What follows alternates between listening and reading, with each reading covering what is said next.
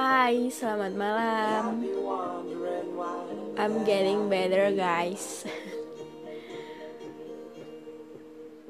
Kita mau ngomongin apa ya? ya udah deh. Akhir-akhir ini saya kepikiran tentang value, value tentang apa pun, money, people, moments, stuff, semuanya tadi saya agak ngomong sama orang tua saya sama ibu saya tentang saya anak perempuan yang jarang beli baju.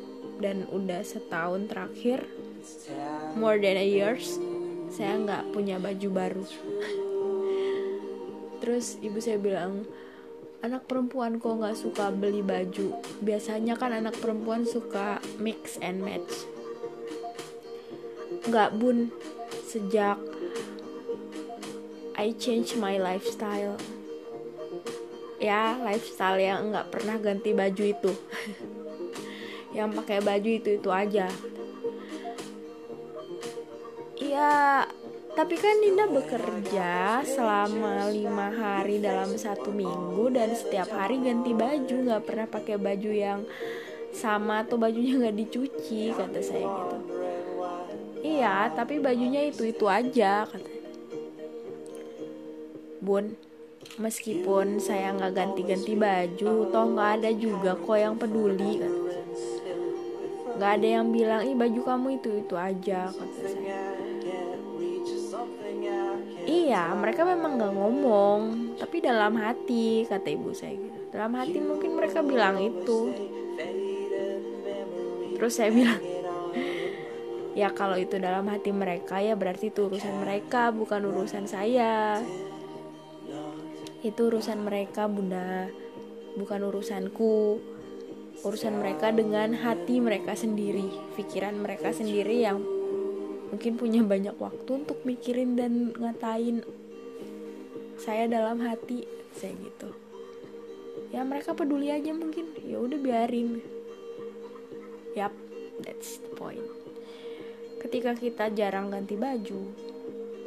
Atau baju kita itu itu aja. Sebenarnya nggak ada yang peduli sih. Nggak ada yang akan berkomentar ih kok baju kamu itu itu aja sih? Ih kamu kok nggak ganti-ganti baju?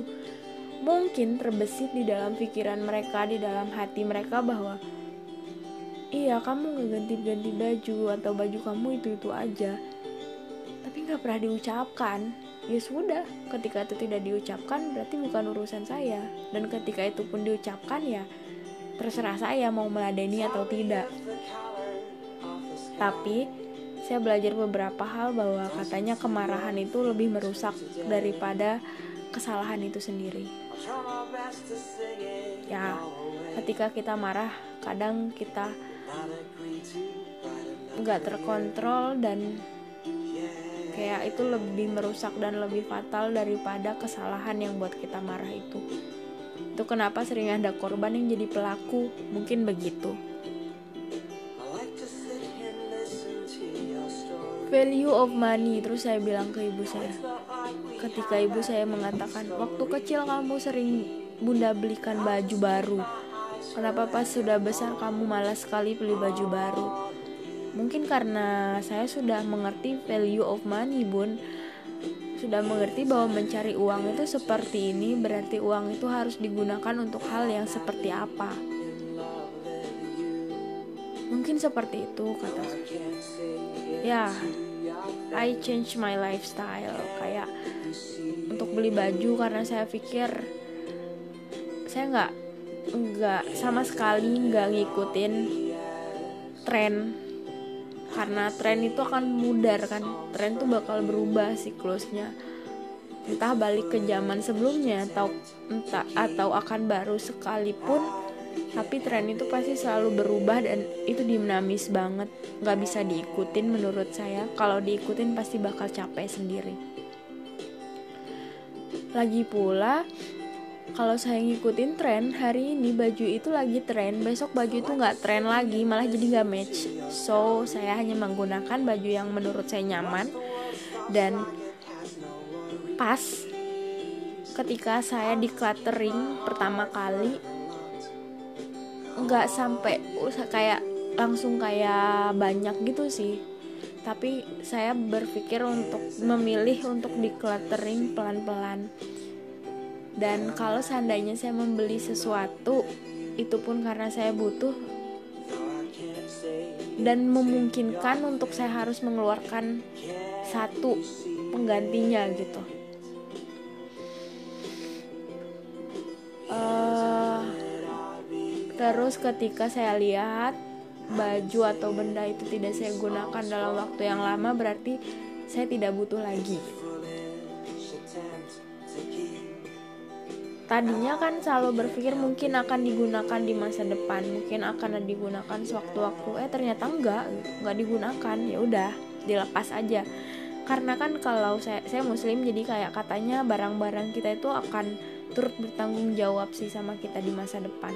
Di akhirat nanti ketika kita diminta pertanggungjawaban dari benda-benda yang gak kita gunakan yang paling susah untuk didecluttering adalah menurut saya pasti hobi kita. Saya suka baca saya nggak bisa declutter buku-buku saya itu susah banget. Saya suka menggambar saya sulit untuk mendecluttering uh, cat warna dan kuas. Ada beberapa hal yang susah. Terus membeli barang berdasarkan fungsinya gitu. Terus saya agak sedikit tidak begitu senang. Saya senang mendapat hadiah cuman lebih ke misal saya akan ulang tahun atau seperti apa uh, saya akan ulang tahun gitu. Terus teman saya akan bertanya apa yang saya butuhkan? Karena saya menerapkan hal itu ke teman saya. Ketika dia akan ulang tahun saya tanya apa yang kamu butuhkan? Jadi saya tidak memberi hal yang tidak bermanfaat untuk dia dan dia tidak memberi hal yang tidak bermanfaat untuk saya tidak hanya benda dan uang yang valuable tapi juga uh, apa ya manusia. Manusia juga kalau menurut beberapa yang saya baca dan tonton itu ada value-nya. Kalau orang-orang yang gak ada value-nya ya udah gitu. You can ya udah gak jangan meletakkan diri kamu di antara orang-orang yang kalau orang bilang toksik meskipun sebenarnya kita juga nggak nggak pantas sih untuk mengatakan orang lain toksik karena mungkin kita juga toksik bagi dia gitu. tapi di sini mata kita adalah saya berpikir untuk fokus untuk diri saya. Ketika saya tidak nyaman ya sudah saya jangan masuk ke sana. Saya tidak akan ikut ke sana gitu saya adalah orang yang dulu sangat mengenyampingkan ego saya dan keinginan saya, pikiran saya tentang hal tersebut seperti misal ada teman yang ngajak atau ada teman ada acara teman yang sebenarnya saya nggak begitu nyaman. Terus teman saya pernah mengatakan ya sudah kalau saya jadi kamu saya tidak akan datang. Untuk apa? Saya tidak akan nyaman di sana. Ketidaknyamanan saya akan membuat orang lain juga tidak nyaman. Kemudian saya berdebat dan mengatakan Iya, tapi kan dia mengajak kita dengan harapan bahwa kita itu akan datang. Berarti dia ingin kita datang dong. Kenapa enggak kita memenuhi keinginan dia? Tapi kamu sendiri nggak nyaman. Untuk apa kamu memenuhi keinginan dia? Nah, saya baru tersadar seminggu kemudian bahwa ada benarnya yang teman saya katakan. Ketika saya merasa tidak nyaman, kenapa saya harus pergi ke sana? Kena, ketika saya merasa tidak ya nggak pas gitu, kenapa harus saya paksakan untuk dikenakan gitu? Nah, itu yang saya terapkan saat ini.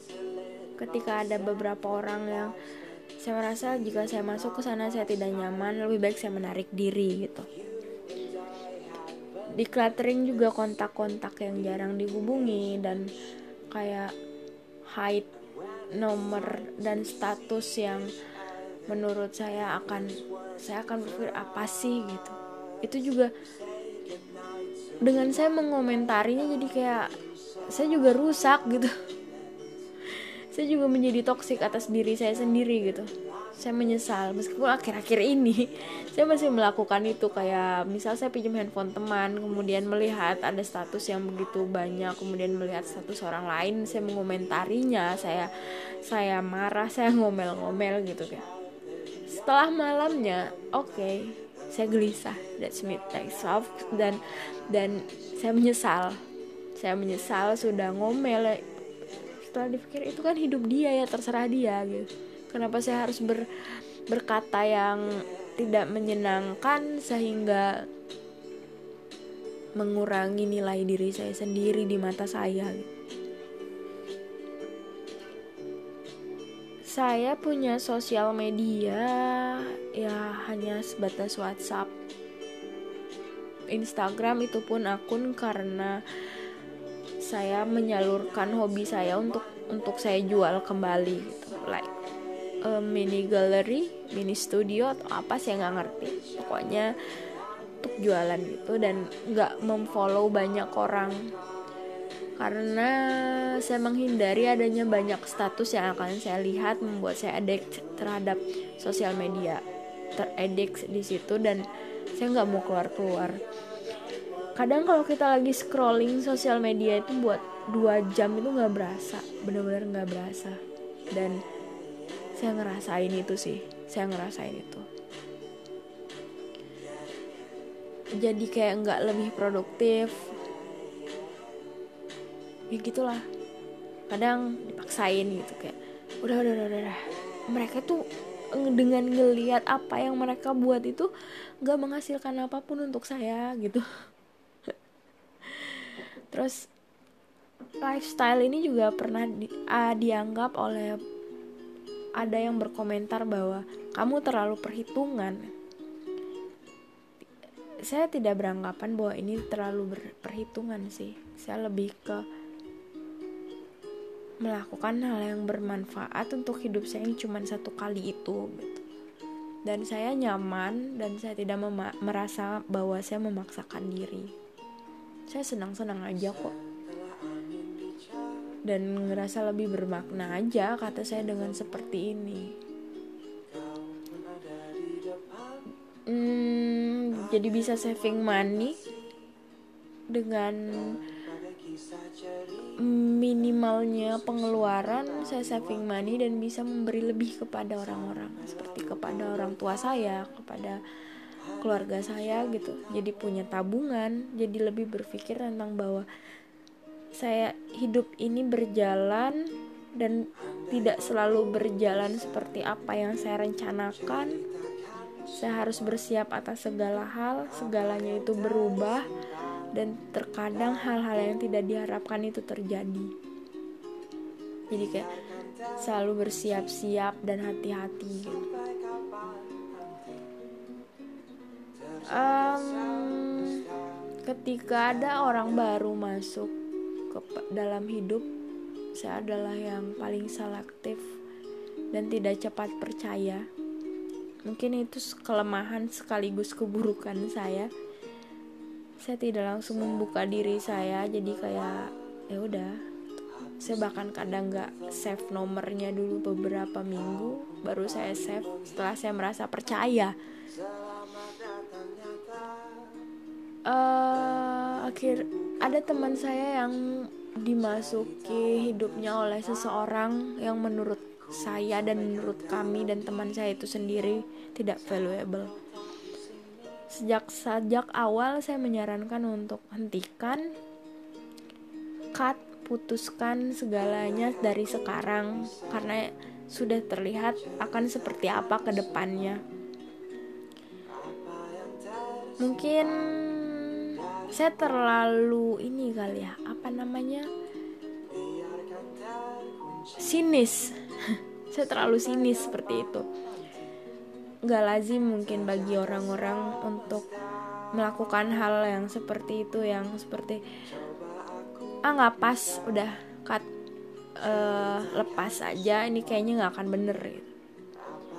teman saya tetap ber memiliki etiket baik dengan menjaga komunikasi dengan baik dan sebagainya. And the end of the day apa yang saya katakan terjadi. Itu adalah menjadi pelajaran besar untuk dia dan saya dan yang lain bahwa ya jika sudah dari awal terlihat tidak jelas dan tidak baik ya sudah putuskan saja. Karena diri kamu itu bernilai hidup kamu yang cuma satu kali itu bernilai jangan dilepaskan untuk sesuatu hal yang tidak bernilai termasuk manusia lain. Mungkin terlalu sinis dan arogan tapi setidaknya kamu tidak membuang-buang waktu kamu untuk orang yang tidak bernilai.